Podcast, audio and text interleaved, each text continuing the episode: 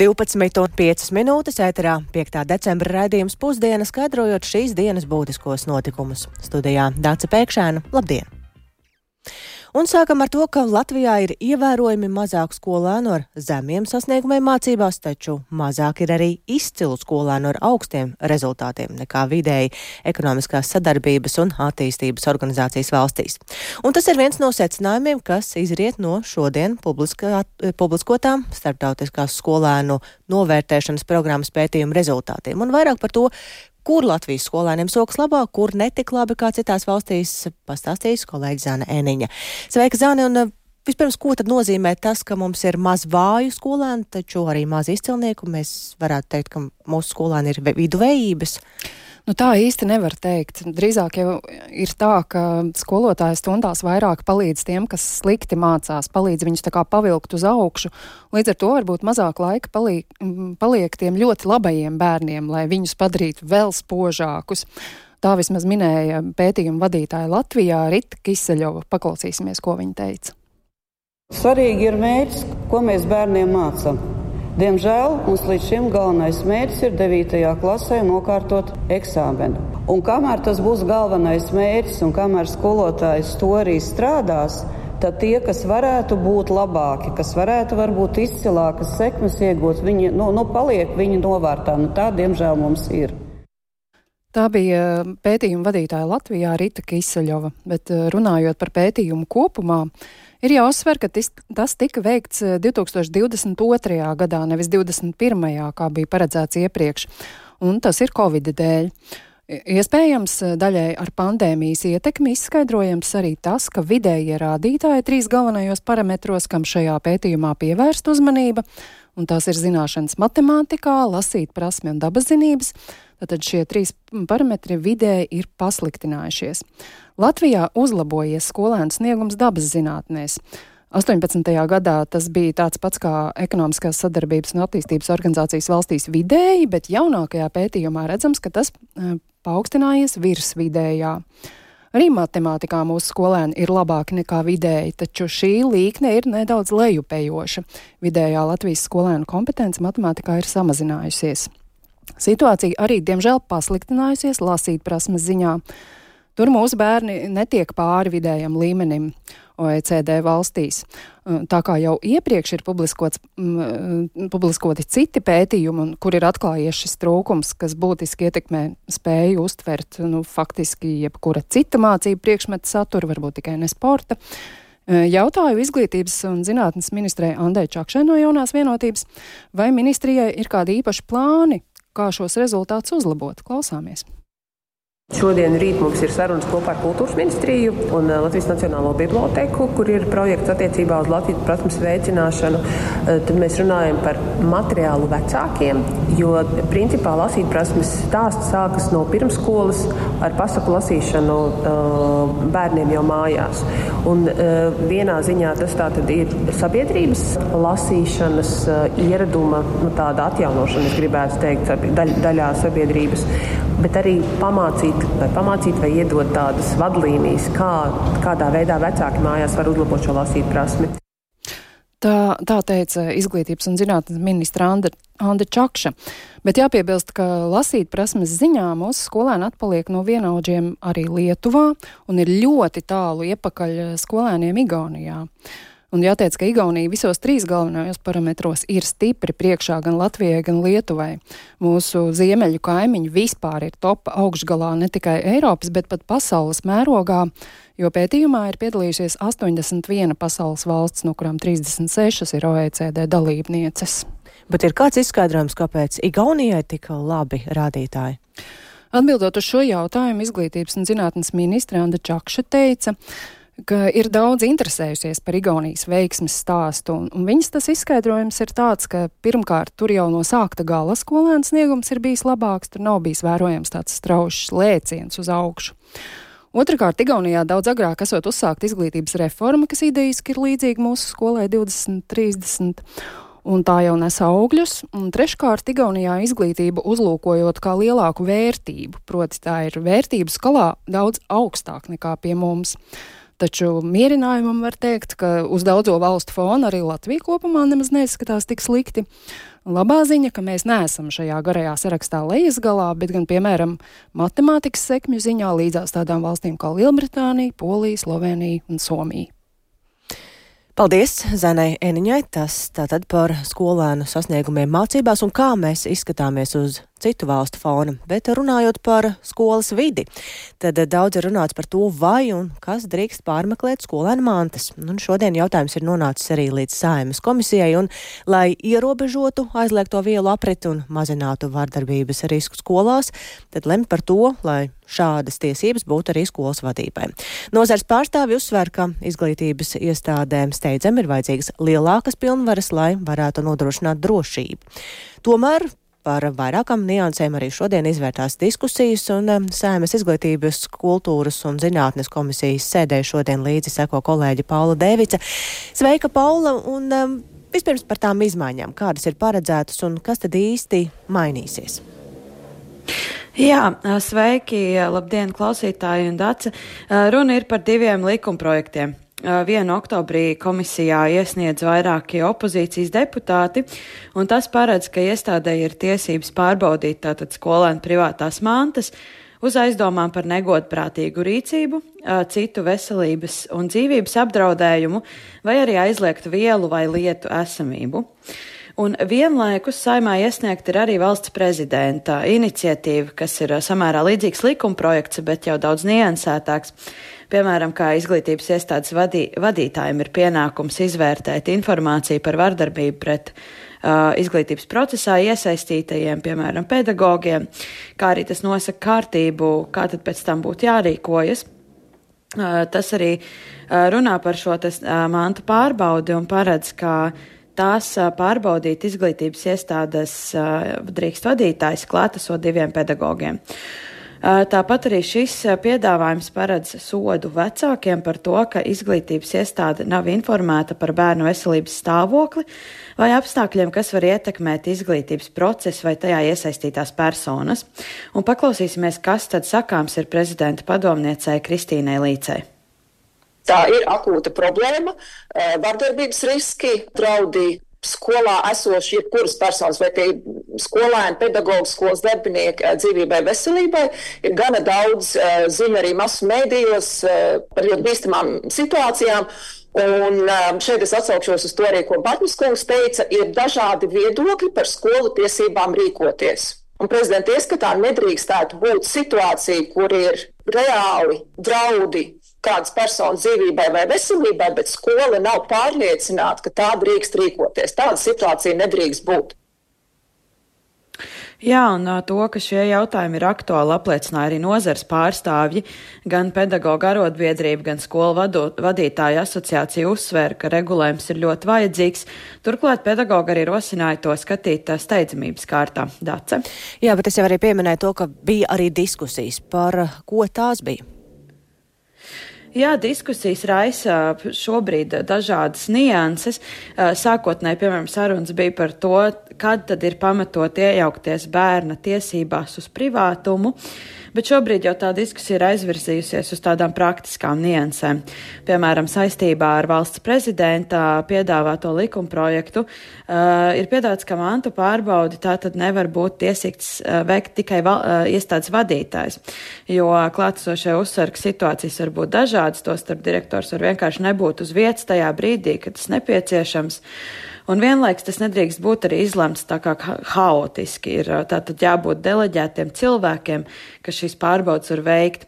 Un paklausīsimies, kas par šo sakāms izglītības ministrijas parlamentārai sekretārai Silvijai Reinbergai. Ir ļoti svarīgi šīs aizliegtās vielas un arī lietas pareizi konfiscēt vai izņemt. Ir jābūt īpaši apmācītam personālam, kā to veikt, lai neietekmētu vai nesabojātu kādus lietiskos pierādījumus. Par vecumiem runājot, aicinām ņemt vērā arī ne tikai šo vielu izņemšanas kārtību, vēl ir arī krimināla atbildība, kā mēs rīkojamies ar bērniem un jauniešiem, kuri vēl nav sasnieguši kriminālu atbildību, kā mēs rīkojamies, kad šī krimināla atbildības slieksnis jau ir sasniegts. Jā, piemēram, vēl viens rosinājums ir ne tikai runāt par mantu pārbaudu gadījumos, kad runa ir par aizliegtām vielām vai lietām, bet gan skatīties to plašāk, piemēram, apdraudējumu var radīt arī ar šķērēm, kas pēc būtības nav aizliegta viela. Tātad deputātiem būs jādomā, kā tad rīkoties arī šādās situācijās. Un šodien deputāti vienojās virzīt tātad valsts prezidenta piedāvātos niansētākos grozījumus skatīšanai pirmajā lasījumā. Tomēr opozīcijas deputātu piedāvājums ir atlikts, lai varētu diskutēt par to, vai kāds nianses no tā vēl nebūtu saglabājams likumprojekta gala versijā. Un noteikti, ka gala versija tad būs arī daudz niansētāk un skaidrība par to, kas, kam un kad tad ir jādara būs lielāka. Par to arī noteikti ziņosim Latvijas radio. Dace. Paldies, Paulē Devicei. Noteikti sekosim līdzi, kā jau tu teici, vai paredzētās izmaiņas tiešām izdosies īstenot un kādas tās būs, bet tagad kad gan par citiem notikumiem un pievēršamies Ukrainai. Plānojot tās īstenoto pretuzbrukumu, to ietekmējušas arī atšķirības ASV un Ukrainas kara stratēģijām. Par to liecina amerikāņu izdevuma Washington Post publicēta plašāka analīze. Proti, rietumi un ASV esot sliekušies uz mērķtiecīgu uzbrukumu, bet um, jo īpaši, lai atdalītu Krieviju no Krīmas savukārt Ukrainas virspavēlnieks Valērijas Dzelužņīs esot uzstājis uz operācijām visā frontes līnijā un plašāk par to Rihards Plūme. Izdevums Washington Post publicējis Ukrainas pretuzbrukuma analīzi pēc intervijām ar vairāk nekā 30 augstākām amatpersonām no Ukrainas, ASV un Eiropas valstīm. Pērn vēlā rudenī ASV aizsardzības ministrs Lloyds Ostins runājis ar Ukrainas bruņoto spēku virspavēlnieku Valēriju Zalužniju un jautājis viņam, kas Ukrainai būtu nepieciešams pavasara ofensīvai. Toreiz Zalužnijas atbildējis, ka viņam vajag vismaz tūkstošu bruņmašīnu un deviņas jaunas brigādes, kas apmācītas Vācijā. Vācijā un gatavas kaujai. Ostins toreiz esot norādījis, ka to ir teju neiespējami paveikt. Tiesa jau februārī Ostins bija optimistiski noskaņots un norādīja uz dažādo palīdzību, kas Ukrainai tiek sniegta un kurai būtu jānes rezultāti kaujas laukā. For every system that we provide, we're going to train troops on that system. Katrai sistēmai, ko mēs nodrošinām, mēs apmācīsim karaspēku šīs sistēmas lietošanā, bet mēs arī nodrošināsim viņiem papildu apmācību par manevriem, par karavīru integrāciju, par uzturēšanu un apkopi. Un tāpēc ar šīm papildu iespējām, labāk apmācītām vienībām, platformām, kas šajā vidē var darboties daudz labāk, es domāju, ka viņiem būs patiešām labas izredzes panākt diezgan ievērojamas pārmaiņas kaujas laukā un nostiprināt un izmantot viņu iniciatīvu tālākā ceļā. Līdz ofensīvas sākumam Ukraiņi no amerikāņiem saņēma daudzus desmitus tehnikas vienību un citu aprīkojumu. Zalužnīs bija lūdzis tūkstošu bruņu mašīnu, bet Pentagons nodrošināja pat pusotru tūkstoti. Gatavošanās pretuzbrukumam turpinājusies, un Pentagons vēlējies, lai tas sāktos aprīļa vidū, kas neļautu Krievijai turpināt nostiprināt savas pozīcijas. Taču Ukraiņi vilcinājušies, uzstājot, ka nav gatavi sākt pretuzbrukumu bez papildu ieročiem un karavīru apmācības. Ukraiņi sūdzējās, ka solītais aprīkojums tiek piegādāts novēloti vai ierodas kaujai nepiemērots, tādēļ pavasarī pretuzbrukumu nebūs iespējams sākt. Vēl aprīlī sanāksmē Ramšteinā Zalužnie vietnieks emocionāli uzrunājis klātesošos, sakot, ka daļa no saņemtā aprīkojuma nav piemērota kaujai. Pentagons veicis pārbaudi un secinājis, ka Ukrainas spēki nav pareizi rīkojušies ar visu aprīkojumu pēc tā saņemšanas, tādēļ uzdevis ciešāk pieskatīt to, kā aprīkojums tiek izmantots un uzturēts. Lai izstrādātu uzbrukuma plānu, Ukrainas, ASV un Lielbritānijas militāra personas izspēlējušas astoņas kara simulācijas. Pēc dažādu scenāriju izspēlēšanas rietumu amatpersonas norādīja, ka Ukrainai vislabāk būtu koncentrēt savus spēkus vienam strateģiskam mērķim - frontālam un masveidīgam uzbrukumam dienvidos. Tā izredzes novērtētas ar 50 pret 50, un Ukrainas spēki labākajā gadījumā varētu sasniegt Azovas jūru un nogriezt Krievijas karaspēku dienvidos 60 līdz 90. 90 dienu laikā. Tehnikas un dzīvā spēka zaudējumi šādā scenārijā sasniegtu 30 līdz 40 procentus. Taču amerikāņu amatpersonas arī uzskatīja, ka vairāk Ukrainas karaspēka galu galā ies bojā, ja Kievai neizdosies veikt izšķirošu ofensīvu un konflikts izvērtīsies ilgstošā karā. Ukraina turpinājusi uzstāt uz plašām operācijām daudzviet frontes līnijā, tostarp paturot lielus spēkus pie Bahmutas. Kā vēsta Washington Post, rietumi galu galā piekāpušies Ukrainai. Kāda augsta ranga amerikāņu amatpersona atzinusi, ka Ukraiņi labāk pārzina reljefu, Krievijas armiju un galu galā šis nesot amerikāņu karš un ar Ukraiņu izvēli esot jāsamierinās. Jāpiebilst, ka vēl nesen Ukrainas prezidents Valdimirs Zelenskis atzina, ka pretuzbrukums nav sniedzis vēlamos rezultātus, tomēr Ukraina negrasās padoties. Rihards Plūme, Latvijas radio. Pašmājās ir apritējuši trīs gadi kopš sāka Real Baltica Rīgas centrālā mezgla izbūve. Kā sokas ar būvniecību, cik daudz paveikts un vai darbi rit kā plānots, par to šodien projekta atbildīgie atskaitās plašākai sabiedrībai.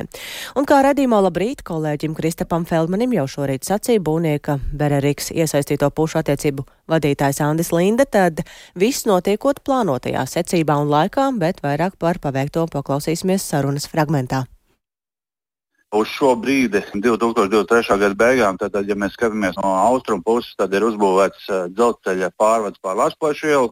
Esam uh, pabeiguši visu uh, garo atbalstu sienu no Latvijas ielas līdz Dzirnavielai, no Dzirnavielas līdz Timotielai un arī gar tirgu, no Gogoļa ielas līdz kanālam, no kanāla līdz Prāgas ielai. Un, faktiski pabeigts uh, viss jauna uzbēruma līdz šai atbalsta cienai piepildīšana, lai mēs būtu gatavi nākamajā gadā sākt būvēt dzelzceļa infrastruktūru šajā zonā. Ir uzbūvēts pārvads par dzirna vielu, pārvadu daļu uh, dienvidu pusi, jo nākošajā būvēšanas etapā mēs nojauksim un uzbūvēsim arī ziemeļu pusi pilnībā, tātad izbūvēt uh, jaunu pārvadu par uh, dzirnavu ielu. Mēs esam izbūvējuši daļu no multimodālā mezgla, šo dienvidu pusi.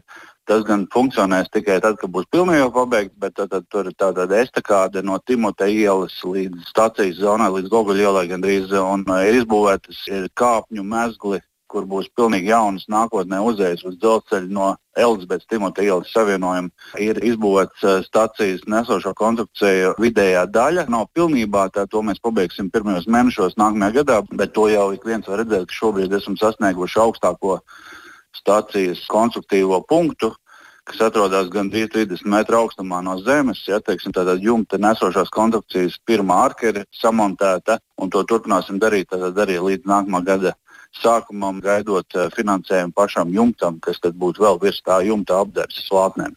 Faktiski mums uz 23. gada beigām bija jāizbūvē stācijas nesošās konstrukcijas arī pēc līguma, jāteiksim, un mums varbūt pāris nedēļas vairāk vajadzēs, lai tiešām šo darbu būtu pabeiguši. Faktiski mēs varam teikt, ka mēs ejam pilnībā pēc paredzētā plāna. Un uh, jau 25. gada beigās vajadzētu pabeigt šo stācijas dienvidu daļu ar visām tām konstrukcijām, ko es minēju. Ja, jo mhm. šobrīd mēs runājam par nesošajām, konstruktīvām izbūvēm, ja, teiksim, protams, kā apdara, labiekārtojums un citas lietas. Ja, protams, ir arī ielu infrastruktūra pabeigta, teiksim, Latvijas ielā, neskaitot varbūt dažus labiekārtojumus. Ir šie darbi patiesi daudz, bet izskanējuši informācija, ka tur varētu varētu arī Rail Baltica nemaz Rīgā nepiestāt sākumā, vai jūs kā būvnieks tas kaut kā ietekmē, vai jums šī neskaitība kaut kā arī rada bažas? Protams, ka mēs arī dzirdam to, kas atskan mēdījos, bet mūsu līgums uh, un arī mūsu sadarbība ar mūsu klientiem Eiropas dzelzceļa līnijām šobrīd ir tāda, ka mēs esam saņēmuši uzdevumu būvēt tātad tiltu pār Daugavu, Real Baltica uh, nu, vajadzībām no labā krasta, ja teiksim, un to mēs jau. Jūs pildat līguma saistības neatkarīgi jā, jā, no nekā. Jā. Tik tālu būvnieka Bereriks iesaistīto pušu attiecību vadītājs Andis Linda par izmaiņām un paveikto galvaspilsētas centrā, bet runājot par visu Rīgu kopumā un sniegu.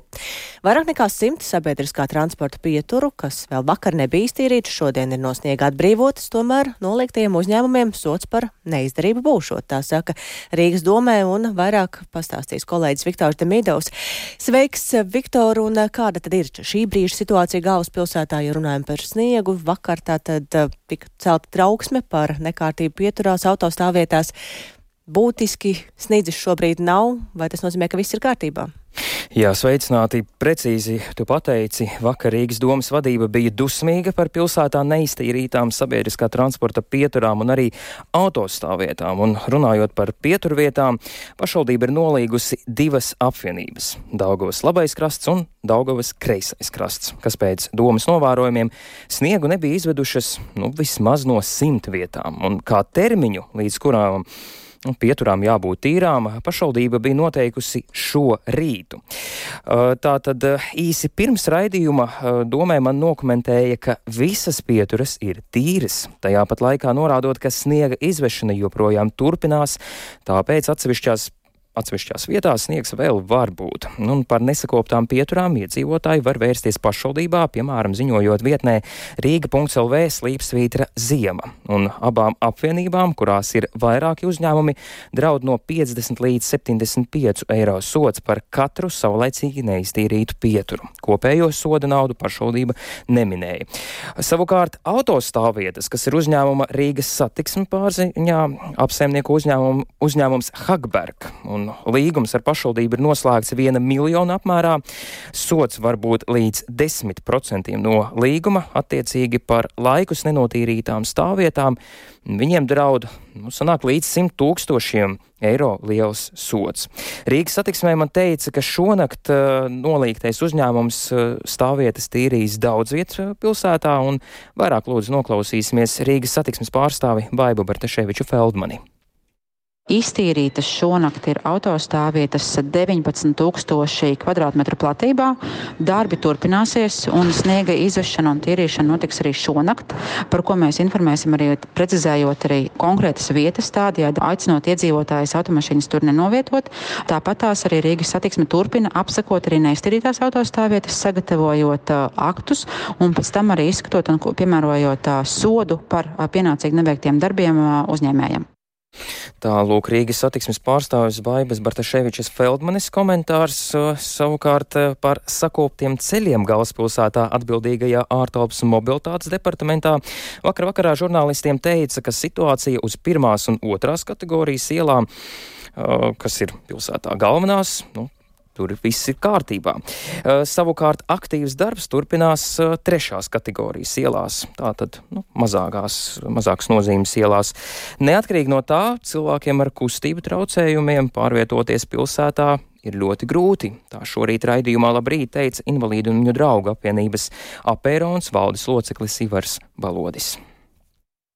Ja automašīnām daudz maz ir attīrīti ceļi, tad izbraukt pa gājēju pārējām, trotuāriem vai bieži vien izkļūt no mājas ārā cilvēkiem, vecāku gadu gājumu cilvēkiem un cilvēkiem, kuriem ir kādi ierobežojumi, nu, diemžēl nu, nav iespējams. Un tas man liekas, ka ir briesmīgi, jo pēdējās trijās dienās liekas, ka sniegs nav snīdis. Skandināvijā pirmās vietas, ko notīra parasti, ir cilvēkiem ar invaliditāti stāvvietas, mājas, kurās dzīvo cilvēki ar invaliditāti, lai viņi varētu iziet ārā. Bet nu, mums vēl līdz šāda veida attieksmē vai saprašanai droši vien, ka vēl kāds laiks jāpat. Jūs minat Tālūk, invalīdu un viņu draugu apvienības apērons valdes loceklis Ivars Balodis runājot par situāciju Rīgā. Savukārt tā tad tas plašāks uh, stāstījums gaidāms uh, raidījumā pēcpusdiena, sāksies no 4 un 5 minūtēs, kurā tad arī plāno iekļaut domas komentāru par pieturvietām, jo tas, nu, tas tā esošā situācija ir visai tāda, teikšu, skaļa, kā, kā var pilsēta risināt to un kāds ir tas tālākais risinājums, kādi ir piedāvātie, nu, varbūt sadarbība ar tālāk ar uzņēmumu, tad uh, sekos raidījumā pēcpusdiena vai uh, kādi tie soda apmēri un, un, un, un cik ir tās Nu, katrā ziņā arī sociālajos tīklos um, iedzīvotāji ļoti daudz publicējuši dažādas bildes un um, savu neapmierinātību pauduši par uh, to, kādi šobrīd izskatās ceļi.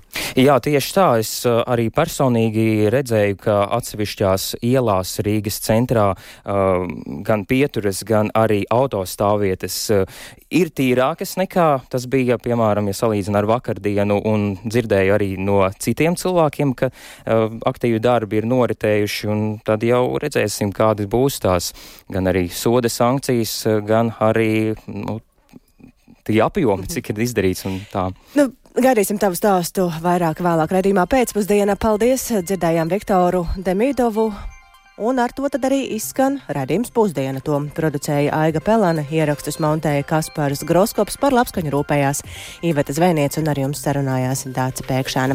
Vēl īsi par šodien būtisko. Tātad Latvijā ir ievērojami mazāk skolēnu ar zemiem sasniegumiem mācībās, taču mazāk ir arī izcilu skolēnu ar augstiem rezultātiem. Tā liecina Latvijā publiskotais starptautiskās skolēnu novērt, novērtēšanas programmas pētījuma rezultāti. Lai ierobežotu aizliegto vielu apriti un mazinātu vardarbības risku skolās, lem par to, lai skolas vadība varētu pārmeklēt mantas un ASV un Ukrainas viedokļu atšķirības par kara stratēģiju ietekmēja Ukrainas pretuzbrukumu.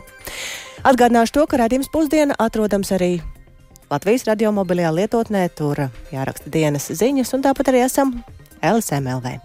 Yeah.